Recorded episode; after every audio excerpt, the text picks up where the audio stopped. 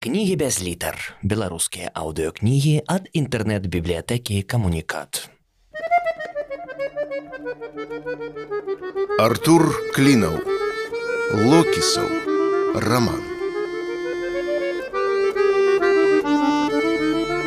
Глава 15. Калі Локісаў вярнуўся ў гатэль, ужо сцямнела. Ён адчуваў, зверскую стому ад усіх паваротаў ды нечаканасцяў гэтага дня. Хацелася каго-небудзь жэрці, але яшчэ больш напіцца.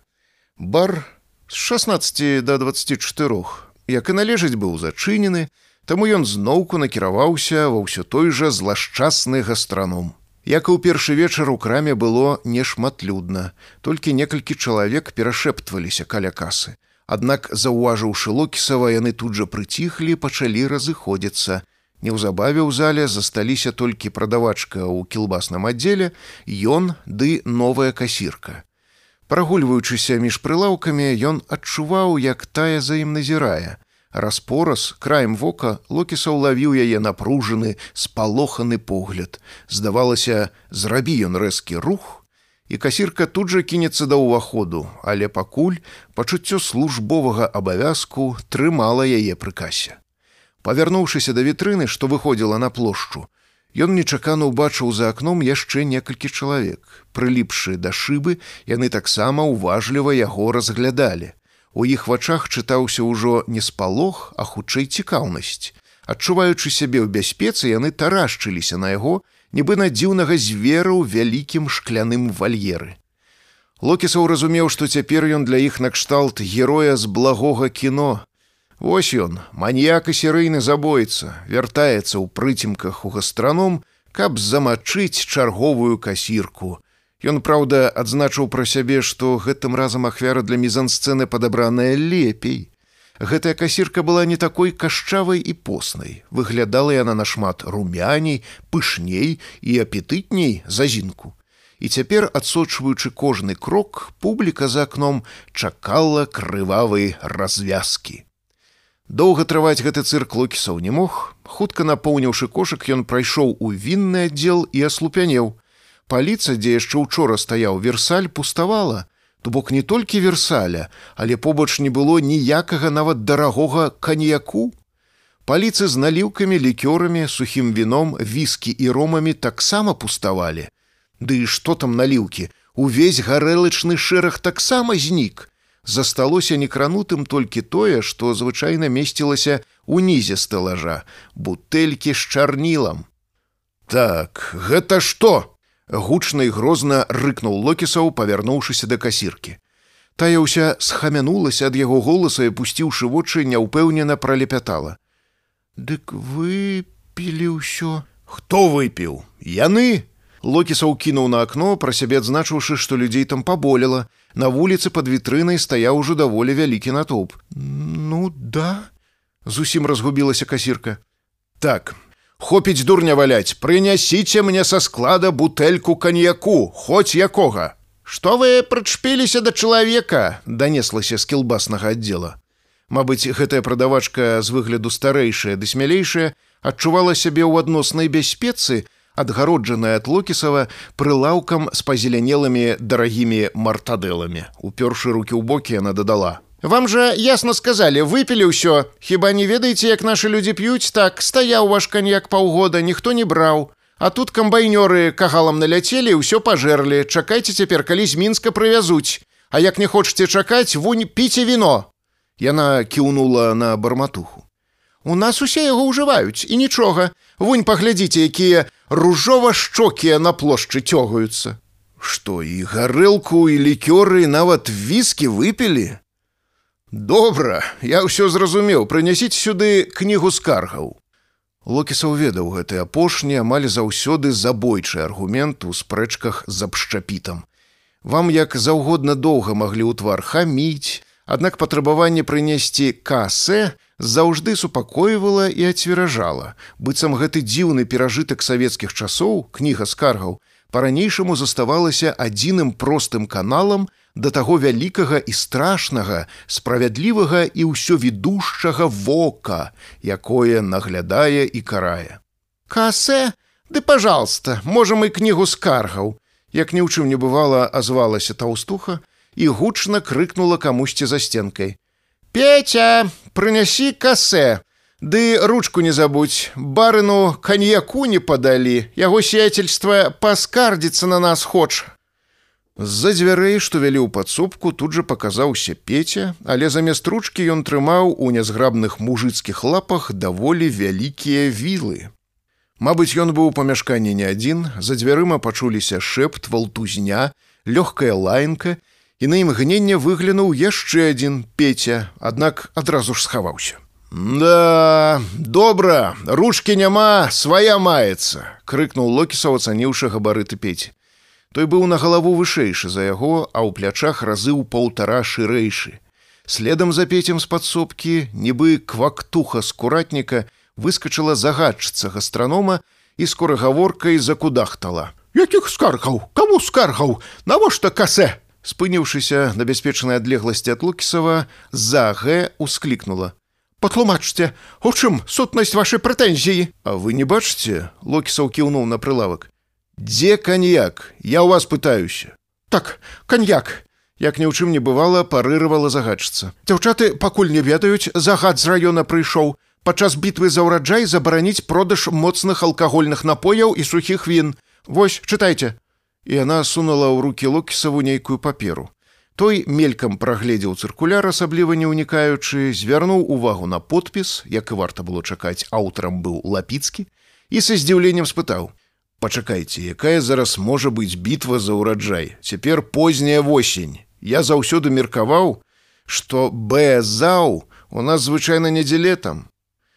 Всё правільна, ГБзау, галоўная бітва за ўраджай у нас вядома летам. Гэта так сказаць самая вялікая бітва. Калі б вы прыехалі сюды ў жніўні, мы б вам не тое што алкаголю, нават піва б не прадалі. А цяпер у нас мэбэзаў, малая восеньская бітва. Вось на мінулым тыдні скончылася бітва за буракі. Цяпер пачалася бітва за бульбу, а наперадзе бітва за моркву. А паколькі бітва малая і напружанне на калгасных палях спала, то мясцовыя віны прадаваць можна.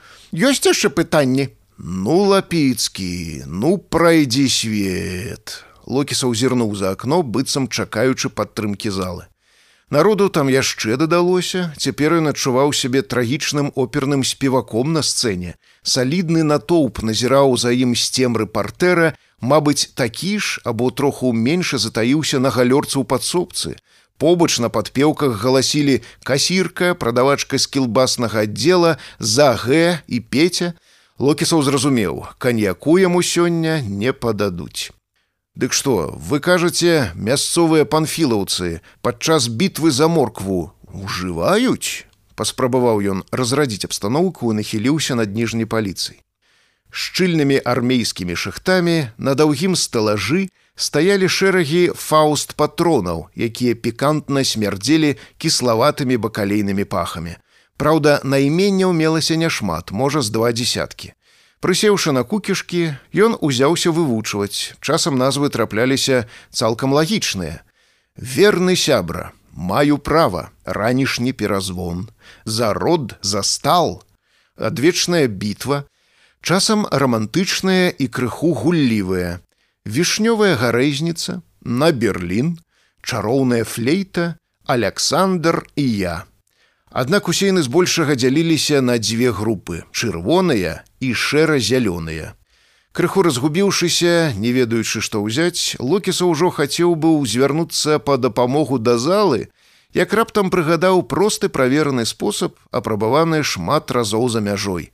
Калі ў якім-небудзь нямецкім мястэчку ў багацці незнаёмага асартыменту ты павінен знайсці нешта смачнае, але не даражэйшае за два еўра, трэба зразумець што п'е мясцовы народ. Трэба адшукаць на прылаўку папулярную секцыю дзе засталося ўсяго пару бутэлек.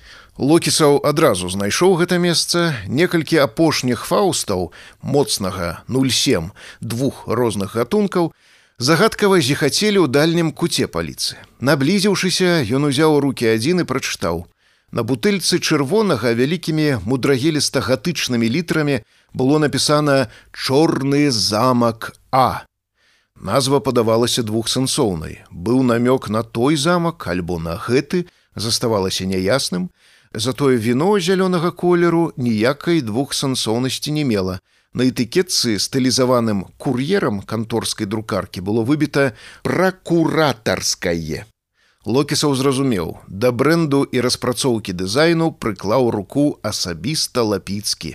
Вядома, ён мог назваць віно і прасцей, пракурорскае, але гэта пагражала стратай часткі кліентаў. Ды як ён мог пры сваёй начытанасці і адчуванні важнасці місіі сабе такое дазволіць.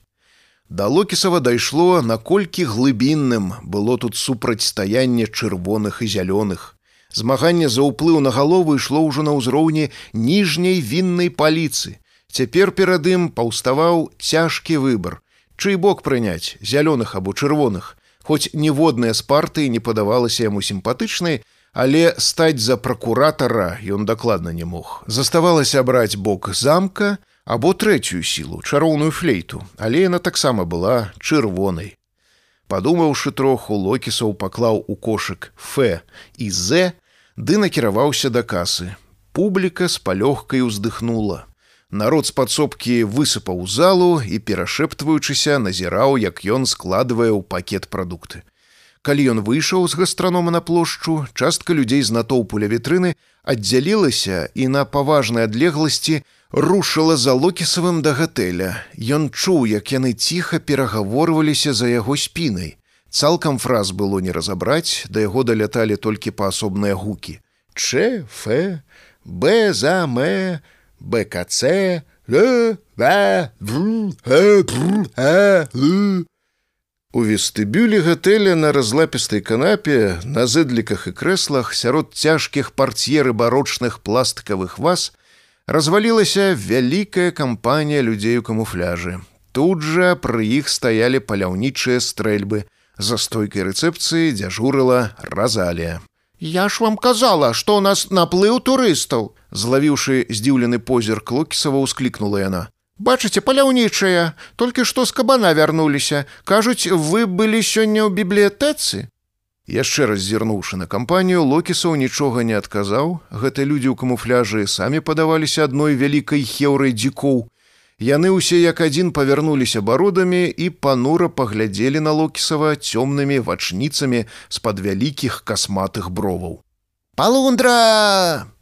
пачулася раптам каля самага яго вуха. У нос шыбануў саладжавы пах недарагога шампуню. Як там на кічы кэп? Мянты сильно кашмараць. Радасна прашчабятала Эма, якая вынырнула невядома адкуль.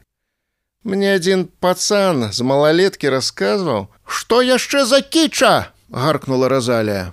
Паліна, кажы па-людску, а то я цябе за шкірку і сама так ад кашмару.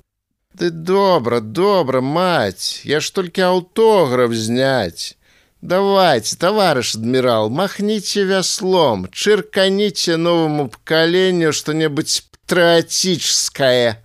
Эма подсунула яму фото, на ім нейкі змардаваны наркатой чэрап з абсалютна белым тварам і вялікімі накладнымі ікламі нешта крычаў мікрафон. Стома валіла локісава з ног. Млява ўзмахнуўшы вяслом, ён чыркануў аўтограф і падняўся наверх. Гадзіннік на вежы касцёла паказваў 927. З апошніх сіл, адкаркаваўшы бутэльку ЧЗ, ён прынюхаўся. Пахла нябрыдка і нечым падобна да эменнага шампуню. Адчуваліся ноткі спірту, малінаў ды нейкіх пікантных зёлак, Локісаў напоўніў шклянку, выключыў святло і, адчыніўшы акно, запаліў. Знізу з цемры плошчы на яго моўчкі глядзеў вялікі натоўп, нейкае мярзотнае прадчуванне чагосьці страшна знаёмага з даўно забытых фільмаў падкаціла да горла.